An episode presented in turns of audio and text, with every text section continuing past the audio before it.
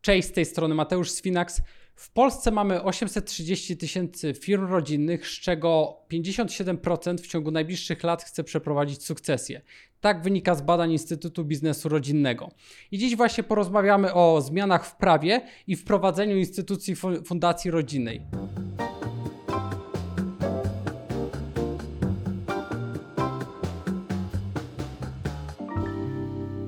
Dziś są z nami osoby specjalizujące się w tym temacie, czyli Kuba Springer oraz Michał Karwasiński z kancelarii Karwasiński, Springer i wspólnicy.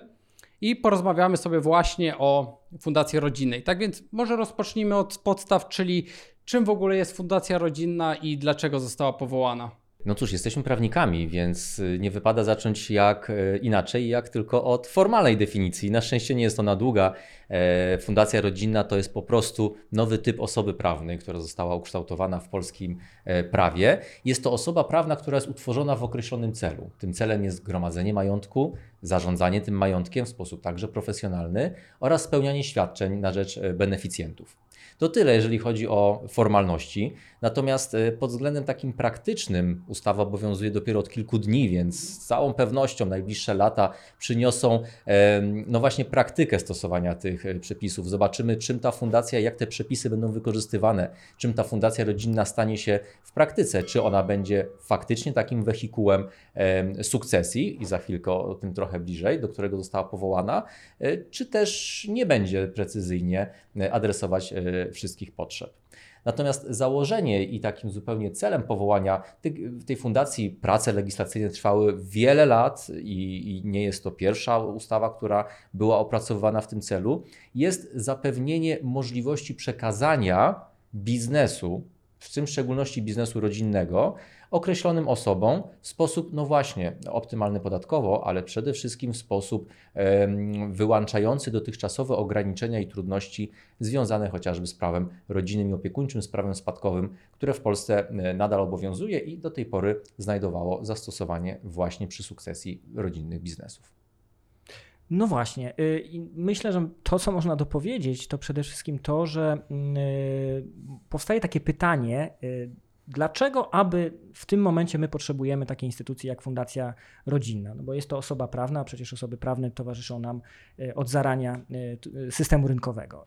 Mamy spółki kapitałowe, akcyjną, spółkę ZO, fundusze inwestycyjne, jeżeli chodzi o kwestie inwestowania. E, No i to, co trzeba dostrzec, to to, że ustawodawca e, zauważył pewną potrzebę, lukę chyba można tak sobie powiedzieć, o której pośrednio powiedziałeś, e, Mateuszu, związaną z tym, że mm, polski rynek dojrzał na tyle, że powstaje realna potrzeba tego, żeby w sposób prawny przekazać majątek, e, i to po pierwsze, a po drugie stworzyć e, dopasowany do tych potrzeb indywidualnych, dedykowanych, wehikuł inwestycyjny, który pozwoli majątek już po części zgromadzony zaalokować i zainwestować między innymi na e, rynku e, kapitałowym. E, I to jest właśnie odpowiedź na tą potrzebę. Fundacja Rodzinna ma pozwolić tym wszystkim osobom, które no, ten majątek już po części zgromadziły, ten, to mienie przekazać osobom przez siebie wskazanym, przede wszystkim najbliższej rodzinie, co oczywiste, oraz po drugie, po części powierzyć go profesjonalistom w celu jego pomnażania. E, Co warto dodać, oczywiście od już można powiedzieć niemal setek lat przecież w Polsce obowiązują zasady prawa spadkowego e, i nie ma co ukrywać, że obecne przepisy e, w swych założeniach i w swym zarysie e, sięgają XIX wieku. To jest jeszcze XIX-wieczny system podziału majątku spadkowego i relacji pomiędzy spadkobiercami. Natomiast praktyka, zwłaszcza praktyka obrotu, nazwijmy to szumnie kapitalistycznego, jaką mamy w Polsce przez ostatnie 30 lat, pokazała, że te zasady nie spełniają swoich podstawowych funkcji, jeśli chodzi o sukcesję biznesu. E, W praktyce bardzo często nie wszyscy potomkowie albo, mówiąc wprost, nadają się do tego, aby przyjąć rodzinny biznes, albo też głowa tego rodzinnego biznesu niekoniecznie widzi wszystkich swoich potomków jako tych, którzy powinni e, dalej realizować e, te przedsięwzięte e, inicjatywy gospodarcze. Mało tego, bardzo często głowy y, takich rodzinnych biznesów dostrzegają potencjał w y, spadkobiercach linii bocznych albo wręcz w krewnych, albo w osobach, które w ogóle nie są związane e, więzami rodzinnymi i tym osobom chciałyby przekazać rodzinny biznes. Dotychczasowe zasady prawa spadkowego w sposób ewidentny preferują e, taki podział e, dystrybutywny pomiędzy dotychczasowych spadkobierców i mm, praktyka była taka, że najczęściej występowały problemy przy przekazywaniu właśnie takiej władzy i takiego majątku. Fundacja rodzinna jest tym narzędziem, które ustanawiając instytucję beneficjenta, czyli tej osoby, na rzecz której mają być spełniane określone świadczenia i która będzie miała prawo do y, tego majątku, e, właśnie rozwiązuje ten zasadniczy problem, który dotychczas był nieprzezwyciężalny na gruncie prawa spadkowego, tego ogólnego, które dotyka nas wszystkich. No właśnie, ja, ja myślę sobie, że, że można powiedzieć taką rzecz, że, że tak naprawdę nasz rynek yy, i, i, i prawo yy, za tym idące yy, dojrzały do pewnej, pe, pewnego takiej konstatacji, którą już w innych jurysdykcjach jakiś czas temu można było dostrzec, bo to też warto podkreślić. Fundacja rodzinna, czy ten typ osoby prawnej, on no nie jest nowością, to nie jest jakaś polska oboczność, to jest instytucja, którą znamy na, z jurysdykcji, no, chociażby na terenie e, Unii Europejskiej. I właśnie ta mądrość, o której chciałem powiedzieć, e, polega na tym, że e, raz zgromadzony kapitał rodzinny e, z oczywistych względów no, chce, jakby jest e, jego chęć i potrzeba przekazania dalszym pokoleniom. No, nie bójmy się o tym mówić e, niejako wprost, natomiast e, w którymś momencie e, dochodzimy do następującego wniosku. Osoby, które ten, ten majątek zgromadziły, chcą rozdzielić pewne funkcje. Osoby, która ten majątek dalej będzie nim zarządzała, i to niekoniecznie musi być e, linia e, e, tutaj zstępnych, czyli, czyli na przykład dzieci, e, ale jednocześnie chce zabezpieczyć swoje, no właśnie, chociażby dzieci czy inne osoby e, bliskie w ten sposób, żeby uczynić ich beneficjentami. E, I tutaj mamy rozdzielenie tych profesjonalistów, tych przedsiębiorców, osoby zarządzające, e, od osób, które, które będą po prostu mogły skonsumować tę no, ciężką pracę, która była w tym kierunku alokowana. Ten rozdział, o którym mówi Kuba, y, to bardzo ważna instytucja. Ona pełni także jeszcze inną funkcję. E, Mianowicie na rynku, na tych naszych doświadczeniach z ostatnich 30-30 kilku lat, mm, e, y, obserwowane jest także takie zjawisko jak tak zwany generation gap. To znaczy, głowa biznesu niekoniecznie chce przekazać, y, czy dostrzega potencjał w swoich dzieciach, ale czasami to są po prostu wnuki. I tutaj pojawia się często kłopot, polegający na tym, że wnuki są albo nastolatkami, albo bardzo jeszcze młodymi osobami, jeszcze nie w pełni e, posiadającymi doświadczenie i wiedzę i kompetencje pozwalające na to, aby z roku na rok e, weszły w buty zarządzającego takim biznesem. Tutaj Fundacja Rodzinna poprzez ustanowienie właśnie profesjonalnego zarządu, zarządu tej fundacji e, gwarantuje nie tylko to, że ten majątek będzie y, co do zasady profesjonalnie zarządzany, ale właśnie także pokryje tą lukę, aż e, dotychczasowi beneficjenci i docelowi, e, docelowe osoby, które tym biznesem mają kierować, będą e, w stanie e, ten okres e, wykorzystać właśnie na uzupełnianie swojej wiedzy, swoich kompetencji, a jednocześnie poprzez profesjonalne zarządzanie sam biznes nie straci na swojej wartości. No właśnie, ja myślę, że możemy też wrócić na chwilę do, do, do punktu, od którego zaczęliśmy, to znaczy, jakie y, potencjalnie możliwości tworzy na nowo Fundacja Rodzinna. Pierwsza, to myślę, że jest, mamy już całkiem nieźle wydyskutowane, to jest kwestia tej sukcesji, y, jakby przekazania majątku, troszkę mówiąc tak wprost, ale drugi y, jest związany z tym, żeby ten majątek pomnożyć. I troszkę niezależnie od tego, czy nasz y, majątek rozumiany jako przedsiębiorstwo będziemy chcieli przekazać wnukowi, synowi, czy może jeszcze innej osobie, y, to y, fundacja daje też taką możliwość, aby raz zgromadzony majątek ulokować, to znaczy stworzyć taki dedykowany wehikuł inwestycyjny, gdzie ten zarząd niekoniecznie będzie skupiał się na działalności ściśle rozumianej gospodarczej, ale zaalokuje ten kapitał na przykładowo rynku kapitałowym nie wiem, w akcje, w obligacje, w fundusze inwestycyjne, może na rynku e, nieruchomościowym i dzięki temu ten majątek będzie no niejako sam pracował na siebie. I jeszcze może przy tej okazji, jeszcze jest trzeci, może najbardziej subtelny cel, e, który można przy, przy okazji, albo też częściowo zrealizować, niejako obok tych dwóch pozostałych, to jest możliwość e, wykorzystania tego e, e, tak zgromadzonego kapitału i fundacji rodzinnej w ten sposób, żeby przekazać te, te, ten majątek częściowo na cele społeczne. W ten sposób, żeby no, nie przekazywać go w całości na przykład dla, dla naszej rodziny, ale na przykład dla jakiejś fundacji, która zajmuje się promowaniem celów społecznych, środowiskowych, może e, innego rodzaju e, tematów, tak, czyli taki cel o charakterze donacyjnym. E, I wreszcie, co warto podkreślić, to nie jest tak, że przez ostatnie lata prawnicy byli całkowicie bezradni, jeżeli chodzi o sukcesję biznesową. Natomiast narzędzia, które mieli do dyspozycji, były niedoskonałe. Jednym z takich narzędzi były fundusze inwestycyjne zamknięte, takie regulowane fundusze zarządzane przez Towarzystwa Funduszy Inwestycyjnych. One, mm, z uwagi chociażby na preferencje podatkowe, z uwagi na to, że były jednak odrębną osobą prawną, e, no, realizowały część celów, które tacy fundatorzy, można powiedzieć językiem obecnie no, Fundacji Rodzinnej, e, chcieli realizować. Natomiast samo narzędzie było e, bardzo trudne, oprócz tego, że było kosztowne choć Fundacja Rodzinna też nie jest absolutnie bezkosztową strukturą, e, to przede wszystkim napotykało wiele ograniczeń i cel, jaki y, przyświecał ustawodawcy przy kreowaniu funduszy inwestycyjnych zamkniętych, to było stworzenie instytucji zbiorowego inwestowania. Takiej instytucji, w której wiele osób, wielu inwestorów powierza swoje środki i które są następnie profesjonalnie w określony sposób zarządzane.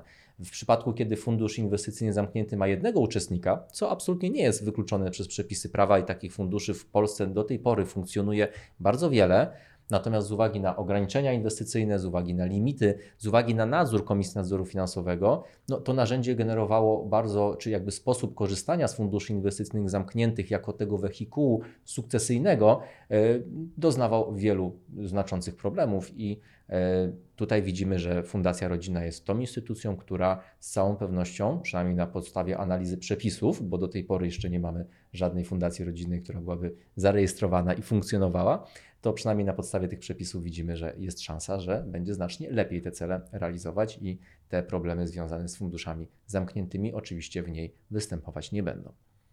No właśnie, ja, ja myślę, że tylko bym podsumował i zapunktował te, te elementy, y, od których zaczęliśmy i na, o, o których powiedziałeś, Michał, na końcu, a mianowicie z punktu widzenia y, pomnażania majątku i z punktu widzenia y, alokowania, y, pomnażania i przekazywania tego majątku, spółki kapitałowe oraz fundusze inwestycyjne nie są, y, nie są doskonałym e, rozwiązaniem i pod tym względem wydaje się, że e, Fundacja Rodzinna lepiej będzie te cele realizowała, bo z jednej strony e, nie jest celem, celem takiej spółki pomnażanie majątku w sposób prowadzenia ściśle rozumianej działalności gospodarczej, jak w przypadku spółek kapitałowych, a z drugiej strony, inaczej niż w funduszu inwestycyjnym, nie mamy nadzoru, nie mamy kwestii związanych z limitami inwestycyjnymi, a i to daje większą po prostu elastyczność tego, żeby w taki dedykowany sposób e, stworzyć e, tą przestrzeń prawną, no bo to jednak jest przestrzeń prawna, e, żeby te potrzeby,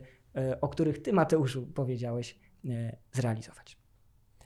I kończąc może też ten wątek, po raz ostatni nowa osoba prawna, nowy typ osoby prawnej pojawił się w polskim prawie kilka lat temu i to była prosta spółka akcyjna, która na początku startowała z wieloma obawami, e, natomiast obecnie w Polsce, to z danych z KRS-u z zeszłego miesiąca, zarejestrowanych jest już około 1200 prostych spółek akcyjnych, co pokazuje, że być może w ciągu 2, 3, 4 lat także i nowy typ właśnie osoby prawnej, jaką jest Fundacja Rodzinna, po e, pierwszych e, trudnościach e, no, wystartuje i, i faktycznie zakorzeni się na dobre w praktyce e, polskiej sukcesji gospodarczej.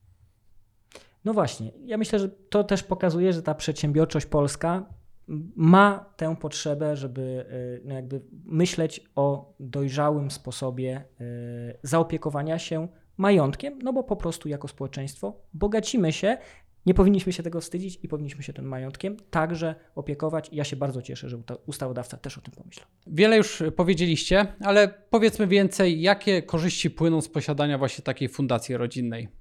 No dobrze, no to może zacznijmy od e, takiej korzyści, która budzi sporo mm, pozytywnych emocji e, i która została odnotowana e, już na rynku. My co prawda jesteśmy prawnikami, a nie podatkowcami, ale to, co mocno mm, wybija, rezonuje, jeżeli chodzi o plano, przepraszam, już istniejące zmiany w przepisach, to są kwestie związane z tym, w jaki sposób majątek fundacji, który jest gromadzony i pomnażany, jest opodatkowany. I takie główne punkty, o których e, warto tutaj powiedzieć, to przede wszystkim to, że wniesienie majątku do fundacji rodzinnej i jej pomnażanie, co do zasady, to zaznaczam, co do zasady, e, związany, e, a te zasady mają związek z celami, do których mm, fundacja została powołana, nie podlegają podatkowi CIT, czyli podatkowi od, od, osób, od osób prawnych i to jest punkt numer jeden.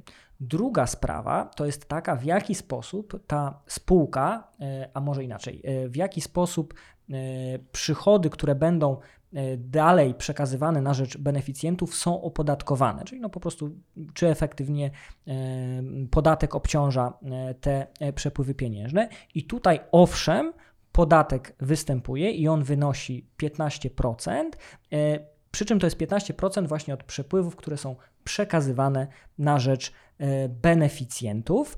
E, I tutaj myślę, że od razu tak można wywołać następującą kwestię, a mianowicie, gdy porównamy tę skalę e, podatkową, czy przepraszam, tę stawkę podatkową, to zauważymy, że 15% to jest istotnie mniej niż 19, czy dostrzegalnie mniej niż 19%, które jest po pierwsze stawką bazową, ale też stawką, która obowiązuje na rynku kapitałowym, jeżeli chodzi o tak zwany podatek belki, czyli podatek od e, zysków kapitałowych. Tak, z podatkami to też jest tak, że każda sytuacja, zwłaszcza jeżeli chodzi o podatki dochodowe, jest indywidualna, dlatego bardzo byśmy zachęcali do tego, żeby każde rozwiązanie i każdą strukturę, także planowaną strukturę, w pierwszej kolejności skonsultować z własnym doradcą podatkowym.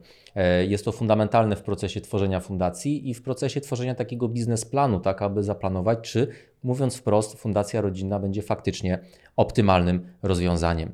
E, Natomiast y, y, też idąc dalej, jeszcze tropem podatkowym, który tutaj Kuba rozpoczął w zakresie, w zakresie CIT-u, e, gdzie te pewne korzyści są właśnie możliwe do uzyskania i zapewne będą możliwe w wielu czy większości przypadków, e, także pomyślano o takich masach majątkowych, które obejmują w sobie nieruchomości, w tym nieruchomości e, komercyjne. E, Tam co prawda E, sam, e, same przychody z najmu, e, przychody z, mm, e, z takiej działalności właśnie komercjalizacji nieruchomości są opodatkowane 19, 19% e, CIT-em. E, Natomiast e, jest też pewnego rodzaju możliwość zaliczenia do tego tak zwanego podatku od tych dużych nieruchomości, e, który jest płacony według stawki 35% od podstawy opodatkowania. E, Jeżeli wartość tych nieruchomości przekracza 10 milionów złotych, wówczas ten zapłacony podatek można odliczyć od e, właśnie CIT-u.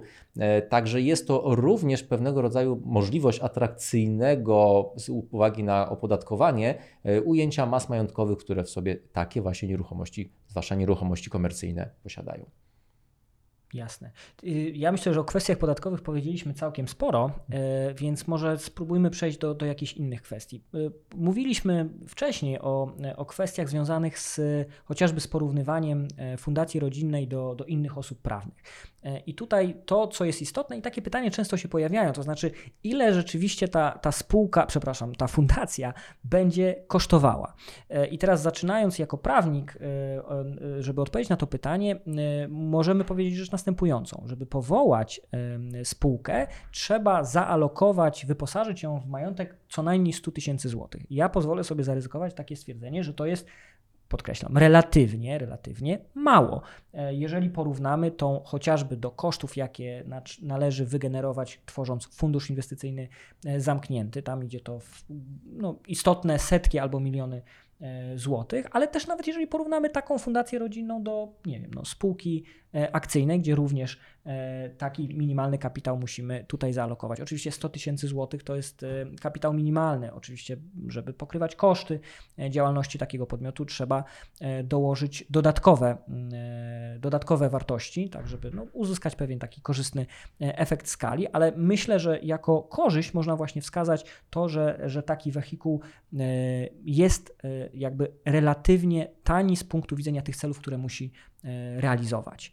Druga sprawa, i myślę, że Michał na pewno to zaraz rozwinie, to jest kwestia stworzenia e, statutu w taki sposób, żeby te cele, które chcemy zrealizować, czy to jest sukcesja, czy to jest pomnażanie kapitału, czy to jest właśnie kwestia e, realizowania tych celów społecznych, czyli podzielenia się swoim majątkiem z, z, z innymi osobami, e, to tutaj ta możliwość jest o wiele bardziej rozbudowana niż gdybyśmy popatrzyli na właśnie spółkę kapitałową, która zawsze musi realizować jakby cel gospodarczy, czy funduszu inwestycyjnego, który musi zawsze w zasadzie pomnażać ten majątek y, wedle tak zwanego interesu e, e, uczestników. No i myślę, że ta rzecz, y, która jest też istotna, to to właśnie to, o czym też już wcześniej e, mówiliśmy, a mianowicie kwestia możliwości dosyć elastycznego wskazania tych beneficjentów. Michał, może byś rozwinął tę myśl. Tak, jak najbardziej. y, Dziękuję. To, co warto podkreślić, to to, że fundacja rodzinna to jest pewnego rodzaju osoba prawna, ale fundacje rodzinne, które mogą być tworzone, mogą się od siebie bardzo istotnie różnić i y, jest to narzędzie, które, czyli tak z perspektywy prawnika, daje właśnie możliwość kustomizacji w odniesieniu do poszczególnych e, potrzeb i e, Stąd przy tworzeniu fundacji rodzinnej oczywiście ta analiza podatkowa, o której wspominaliśmy, to jest must have, dlatego że to po prostu musi być zrealizowane, aby ocenić opłacalność całego przedsięwzięcia, policzyć koszty, policzyć przychody, policzyć ewentualne e, korzyści również o charakterze podatkowym, ale y, także musi być tworzona z uwzględnieniem właśnie doradców prawnych, którzy w sposób dokładnie precyzyjny ukształtują statut,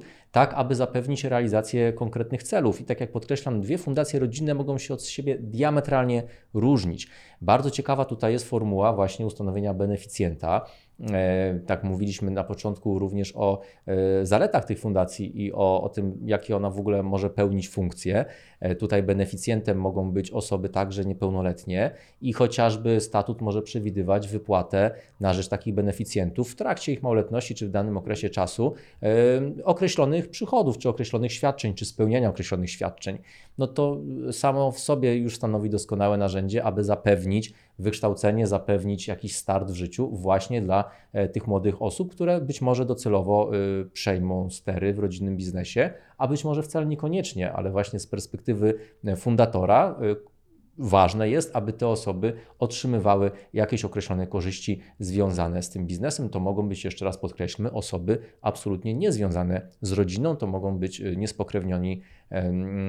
niespokrewnieni, em, niespokrewnione osoby, ale także i podmioty, jak również organizacje społeczne. E, Taka fundacja może realizować cele społeczne, może przekazywać swój określony część przychodów, na przykład na rzecz NGO-sów, stowarzyszeń, e, innych fundacji, już niekoniecznie rodzinnych, ale właśnie tych realizujących cele e, społeczne e, i również w ten sposób realizować taki zamysł fundatora, który może pomagać szeregu organizacjom i podmiotom. No właśnie, ja, ja myślę, że to by wybrzmiało, ale sądzę, że warto też to jeszcze raz podkreślić, a mianowicie e, niezależnie od tych takich celów kapitalistycznych, e, to, to istotnym jest to, że e, prawo, które do, tych, do tej pory funkcjonowało, no ono je- jest pewną ramą, która też stanowi ograniczenie. O jakich przepisach mam teraz e, myślę? E, To są, to są przepisy prawa rodzinnego, prawa spadkowego e, i również Fundacja Rodzinna dokonuje pewnych e, no, wyłączeń czy modyfikacji tych zasad związanych z przekazywaniem no, czegoś, co byśmy tradycyjnie nazwali darowizną, czyli jakby takim konsumowaniem tego majątku w trakcie naszego życia zgromadzonego, jeżeli chodzi o, o, o, je, o jego przekazywanie czy rodzinie, czy osobom bliskim w takim znaczeniu bardziej codziennym niż, niż e, prawa rodzinnego i również jeżeli chodzi o prawo e, spadkowe, no bo tymi narzędziami dotychczas e, zarządzania majątkiem po śmierci to był tylko no, spadek, czyli jakby przepisy kodeksu cywilnego oraz testament, względnie zapisy w tym testamencie. Fundacja rodzinna pozwala no niejako wyłączyć ten nasz kapitał i w sposób o wiele bardziej elastyczny zarządzić czy za naszego życia, czy już po naszej śmierci. Tu możemy jeszcze dodać, że także zarządzić w sposób nie tylko profesjonalny, o czym już mówiliśmy, ale także w sposób bezpieczny i transparentny. Tutaj y, wchodzą w grę chociażby takie instytucje jak obowiązek badania sprawozdania czy badania aktywów przez biegłego rewidenta, czyli możliwość weryfikacji, czy w tej fundacji nie dochodzi do nieprawidłowości. E, To jest mechanizm, bardzo ważny mechanizm zabezpieczenia także interesu właśnie e, beneficjentów. E, Wreszcie warto powiedzieć, że no oprócz właśnie beneficjenta, oprócz fundatora i tego zarządu, istnieje również możliwość ustanowienia rady nadzorczej. E, Wręcz w przypadku większych fundacji, tam gdzie jest powyżej 25 beneficjentów, ustanowienie takiej rady nadzorczej jest obligatoryjne. Mm, Trochę podobnie jak w, spółce, e, e, jak w spółkach e, no, osobowych o charakterze kapitałowym. E, I w tym kontekście również mamy pewnego rodzaju mechanizmy nadzoru. Tutaj także fundator może zapewnić pewnego rodzaju ciągłość nadzoru i określonego kierunku prowadzenia przez zarząd właśnie takiej polityki e, lokacyjnej czy, czy zarządzania tym majątkiem w ramach fundacji rodzinnej. Ja myślę, że może jeszcze na, jeszcze na koniec, bo o kwestiach formalnych pewnie jeszcze zdążymy sobie chwileczkę przynajmniej e, porozmawiać, ale e, podkreślenia wymaga to, że przy okazji powołania fundacji rodzinnej również musimy powołać zarząd e, takiej fundacji. I to z punktu widzenia, no nie wiem, czy kwestii kosztowych może być traktowane jako formalność, może coś zbytecznego, ale gdy się nad tym pomyśli, e, no właśnie, w kontekście tego, że nasz czas jest ograniczony, jeżeli chodzi o możliwość nim zarządzania, to mam na myśli, to, e, to pozwoli rozdzielić te funkcje. To znaczy, ja jako na przykład przedsiębiorca, który zgromadziłem majątek, mogę e, odciążyć samego siebie od tego, żeby ten majątek pomnażać, skupiając się na tym, w czym jestem najlepszy, czyli po prostu byciem przedsiębiorcą i pomnażaniem tego e, prowadzenia mojego e, przedsiębiorstwa, będąc no, bezpiecznym e, co do tego, że mój e, kapitał jest zarządzany przez profesjonalistę, który no, niekoniecznie jest przedsiębiorcą, ale ma doświadczenie na rynku kapitałowym, zna się na funduszach inwestycyjnych, zna się e, na inwestowaniu w akcje, w obligacje, no i dzięki temu odciążam się właśnie od tego, żeby się zastanawiać, czy założyć lokatę, czy dokonać pewnej inwestycji. Kończąc już, jeżeli chcielibyśmy skorzystać z możliwości fundacji rodzinnej, to jak powinniśmy się do tego przygotować? To jak zaczynamy projekt e, stawiania fundacji? E, No, przede wszystkim musimy usiąść i policzyć, czy to się opłaca, i tutaj udział podatkowca jest absolutnie kluczowy. Jeżeli nabierzemy przekonania, że to jest rozwiązanie, które pod względem ekonomicznym właśnie może zrealizować nasze cele, to następnie e, projektujemy statut. No i tutaj także wchodzą prawnicy, tak aby doradzić, w jaki sposób ukształtować przede wszystkim świadczenia, aby w jaki sposób opisać e, samego beneficjenta, kto ma być beneficjentem, e, jakiego rodzaju świadczenia ma realizować, e, jaki cel w ogóle ma mieć ta fundacja, jakie ma ramy czasowe. Również musimy przewidzieć szereg e, działań beneficjenta, w tym e, formułę, w jakiej może on zrzec się swoich świadczeń, bo również statut powinien przewidywać takie okoliczności, czy też może je przewidywać. E, Wreszcie takie szereg zasad formalnych, to znaczy w jaki sposób zmieniamy statut. Podam, że to nie jest jedynie formalność, to jest sposób na także e, określenie uprawnień określonych podmiotów, które mają wchodzić w skład e, tych interesariuszy Fundacji Rodzinnej. Także jest to praca z doradcą prawnym, ale także po przemyśleniu swoich celów, po przemyśleniu swoich oczekiwań, tutaj taki doradca powinien statut pod tym kątem przygotować. No właśnie. yy, I przy tej okazji, czy w tym momencie, również musimy zastanowić się nad rzeczą następującą. A jeszcze o jednej rzeczy powiem, bo takie pytanie, które często do nas yy, przychodzi, to czy jest idealny wzór statutu, który możemy czy polecić, czy, czy przekazać? No i jakby na tak zadane pytanie, już trochę niezależnie od tego, że ta instytucja jest jeszcze młoda, więc będzie ewoluowała, jest następująca. To nie jest możliwe, ponieważ ilu jest yy, yy, fundatorów, ilu jest beneficjentów, tyle jest statutów. No i z tego względu właśnie przy okazji tworzenia statutu zawsze sobie trzeba zadać pytania, gdzie pewnie w zależności od okoliczności pytania będą, y, o, przepraszam, odpowiedzi będą różne. A mianowicie musimy pomyśleć o tym, kto będzie beneficjentem z naszego punktu widzenia. Po drugie, kto będzie w zarządzie, no bo już sobie to dość dokładnie powiedzieliśmy, ten nasz majątek musi być przez kogoś zarządzany. I teraz uwaga, za, skład zarządu i byciem beneficjentem może być też fundator. On może łączyć ze sobą te trzy funkcje, albo może wybrać inną drogę, wskazać innego beneficjenta, innego zarządzającego niż on sam, a jednocześnie to jest kolejne pytanie, które trzeba sobie zadać, a mianowicie czy jako fundator mm, chce, żeby decyzje zarządu były w jakiś sposób kontrolowane, nadzorowane. Jedną z dróg jest mm, oczywiście powołanie e, tutaj e, rady, rady nadzorczej.